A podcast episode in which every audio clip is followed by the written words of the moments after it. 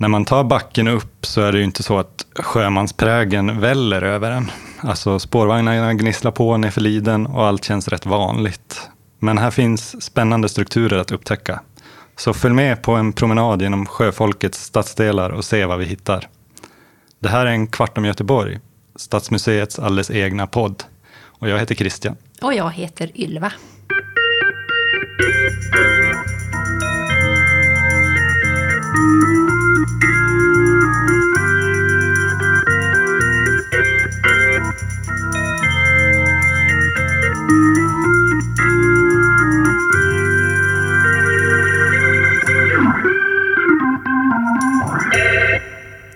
Den här backen vi stod nedanför, det är ju givetvis Stigbergsliden. För här börjar vår promenad till de här institutionerna som fanns för sjöfolket på land.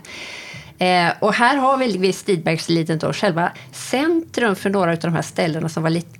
Men några av dem ligger lite mer off. Så var börjar vi? Ja, men kanske med en liten bakgrund tycker jag ändå. Eh, Masthuggsbergen blev ju på 1700-talet hem för många arbetare, ofta med koppling till yrken på havet. Eh, och det beskrivs ganska ofta som ett gytter av kojor och små träkåkar som klättrar upp för sluttningarna. Och sen flyttade ju många också hit från landsbygden när urbaniseringen drog igång på allvar. Mm. Nära till jobbet hade de i alla fall. Ja. Och de som bodde här de pratade ofta om en särskild gemenskap, en slags enighet och hjälpsamhet som den här röda tråden i det här området. Det är väldigt fint. Mm. Eh, men så mycket av den här enkla bebyggelsen så såg vi ju inte under vår promenad precis. Nej, det kan man väl säga. Alltså, från och med 1870-talet så byggdes ju mycket nytt här. Och de äldre strukturerna försvann med tiden. Eh, istället fick vi de landshövdingehus vi tycker väldigt mycket om idag. Mm. Och senare också annan typ av modern bebyggelse. Men institutionerna och, eller ska man i alla fall säga deras hus, finns ju kvar. Precis. Och nu kör vi! Ja, det gör vi. Ja, det gör vi.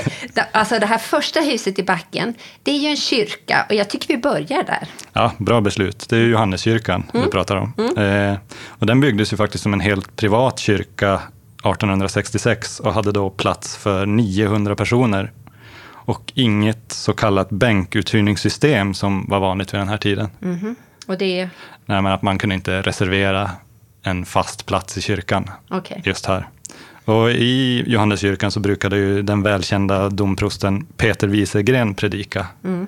Eh, och sen 1878 så hände något viktigt. Då får den här kyrkan en egen präst och börjar också användas som sjömanskyrka. Mm. Och då blir det ju en typ av andlig social inrättning för sjöfolket, vilket den ju var ända fram till 1975. Eh, och man kan säga att traditionen fortsätter ju än idag när det är Stadsmissionen som huserar i kyrkan. Eh, och de har ju öppna dörrar sju dagar i veckan och är verkligen en mötesplats för alla olika former av hjälpbehov. Så att man tycker, det liksom hänger ihop med den här känslan av att man slår ett slag för gemenskapen som har funnits här i Masthuggsbergen. Mm, precis, det går igen lite. Och en mm. annan sjöman slinker kanske in här också, eller en en kvinna. Ja, men precis. Med bakgrund på sjön. Och en till sak som är lite spännande med kyrkan är något som också är lite särskilt för de här platserna vi besöker i det här avsnittet och som något som ibland lyfts fram som lite särskilt göteborgskt sådär. Och det är den här donationsandan. Mm. Donationsanda.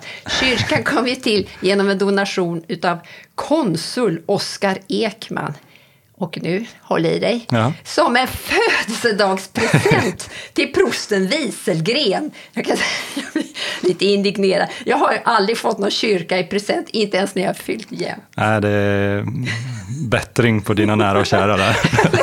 Nej, men det är väl lite andra presenttraditioner, får vi väl säga. Ja, jag har heller inte fått någon kyrka. Nej. Eh, men det fanns väl säkert en hel del baktankar om att lite andlig spis skulle göra susen för folket här på lite illa beryktade Masthuggsbergen mm. också.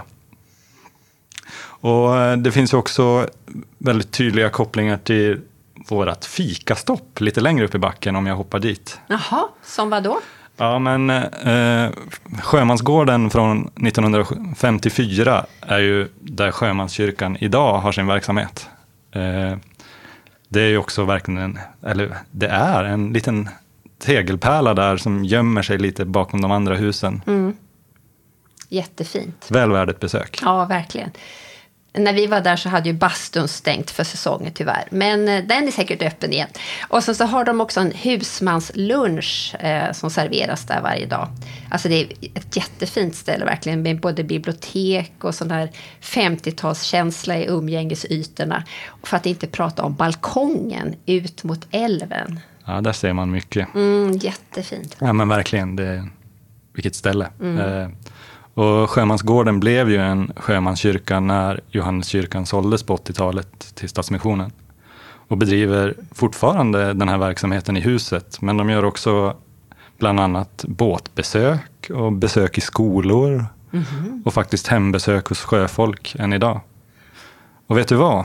Även för detta hus så fanns det rika göteborgare som bidrog med ordentliga summor inför byggandet.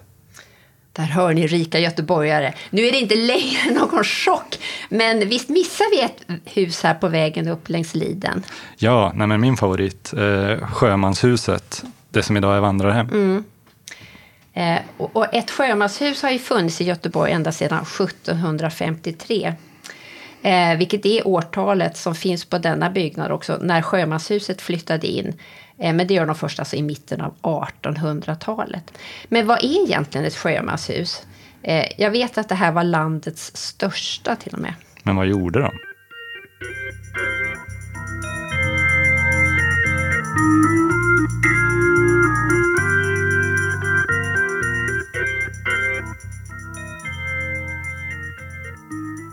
Nej, men man kan väl säga att det var en väldigt tidig form av social inrättning. Långt innan välfärdssamhällets sociala skyddsnät hade monterats upp. Eh, och för början fungerade det som en så kallad sjuk och understödskassa för sjöfolk.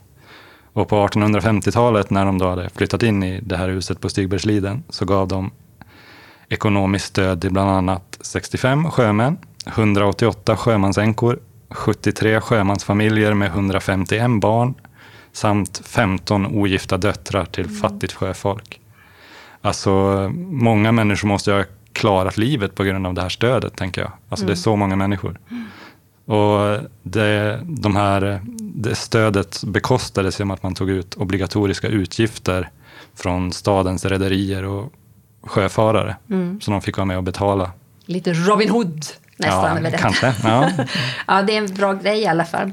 Jag har ju också hört om ett uttryck som säger gå på gården som blev en slags synonym för att söka arbete till sjöss när de här arbetssökande fick vänta på påhugg just stående på gården till sjömanshuset.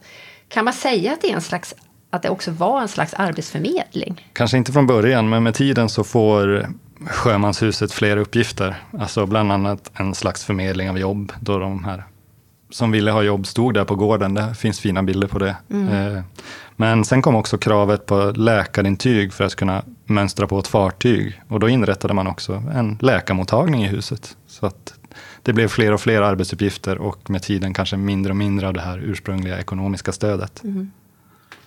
Och eh, en liten historia jag läst är att när man, det var vid något tillfälle tal om att flytta sjömanshuset till Skeppsbron. Det här på önskemål från stadens fartygsbefälhavare som ansåg att Stigbergsliden var lite för ocentralt. Ja. Kanske långt att åka när man hade något ärende. Men det här blev då inte av på grund av att eh, hyresvärdarna var rädda för att det här sjöfolket skulle skapa obehag för de övriga hyresgästerna inne i centrala stan. Buset! Ja. Det var andra tider det. Eh, men, men då var det ändå bra kan man säga att sjöfolket fick ha kvar sitt sjömanshus i närheten av var de bodde. Det var de säkert inte missnöjda med. Nej, det tror inte jag heller. Eh, och när välfärdssamhället tog över många av arbetsuppgifterna så avtog ju sjömanshusets vikt och organisationen uppgick i Arbetsmarknadsstyrelsen 1961 och så flyttade de då från Stigbergsliden. Ja, och då tog en era slut här kan man säga. Eh, och efter det så har huset haft lite olika eh, hyresgäster, bland annat har Länkarna huserat här. Och sen blev det ju då vandrarhem som det är idag. Och inne på det här vandrarhemmet så finns faktiskt lite spår efter främst sjömän kvar. Eh, på en fönsterbänk i det som är café idag så har de ristat in små meddelanden mot, åt oss som kommer efteråt. Eh, eller för sig själva, vem vet. Men de går i alla fall att läsa där. Det är ett litet tips om man någon gång bor eller fikar där. Ja, vad bra. Kul att kolla. Men nu måste vi gå vidare. Vi har ju fler hus att visa. Eh, Så vi rör oss längre upp på berget och så hamnar vi på gatan med det lämpliga namnet Sjömansgatan. Och här finns det två bostadshus som jag aldrig hade tänkt på förut. De är rikt utsmyckade och så finns en väldigt lummig trädgård där innanför. Ja, vi besökte dem verkligen på rätt dag också. Det var en fin sommardag. Eh, och de här husen de byggdes ju av Sjömannasällskapets stiftelse, som det heter. Hette. Vi, och de byggdes vid det förra sekelskiftet som bostadshus för pensionerat sjöfolk. Och från början så var det fler hus här i kvarteret, men efter rivningar så är det de här två husen som finns kvar. Och de är ju verkligen påkostade. Eh, Det är inga kojer eller enkla träskjul som man pratade om där på Masthuggsberget tidigare. Utan jag, jag tycker de på något sätt visar vilken omsorg man gav bostäder till den här ganska stora gruppen av göteborgare som hade haft jobb på sjön. Eh, och ett liknande bygge för sjöfolksänkor uppfördes ju också på Kungsladugårdsgatan i Majerna på 1920-talet. Också ett väldigt fint hus. Ja, verkligen. Det är superfint. Eh, Ja, det var verkligen en vacker oas det där. Och goda körsbär. Ska vi säga. ja, det kan vi säga också. Nej, det var verkligen jättefint där på Sjömansgata och en spännande historia. Och sen så avslutar ju vi vår promenad på Masthuggstorg när vi kikade in i porten på Sjömanshemmet. Obs! Inte att förväxlas då med Sjömanshuset. Nej, det är förväxlande lika namn, men man får hålla tungan rätt i mun. Nej, men eh, Sjömanshemmet då, det var ju ett hem för främst de sjömän som hade tillfällig hamn i Göteborg, som inte hade någon säng att ta vägen till i stan. Och det hus vi ser idag, det byggdes ju på 1940-talet och ersatte ett äldre sjömanshem från 1886 på samma plats. Och i högtidssalen här inne så har konstnären Torsten Billman smyckat huset med sin målning Till sjömännen, havets arbetare. Ja. Passande titel får man säga för både huset och det här avsnittet Ja. av vår podd. Eh, De här sociala inrättningarna säger ju verkligen något om vilken sjöfartsstad Göteborg har varit, men faktiskt vad den fortfarande är. Mm, det är viktigt att inte glömma. Och nu har jag tänkt efter och tittat lite och bakom varje ett av de här husen vi har tittat på och berättat om nu så finns det faktiskt rika donatorer som brann för sjöfolkets frågor kan man säga. Mm.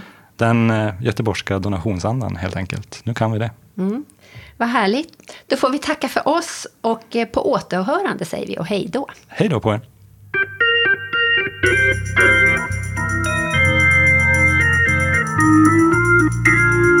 you.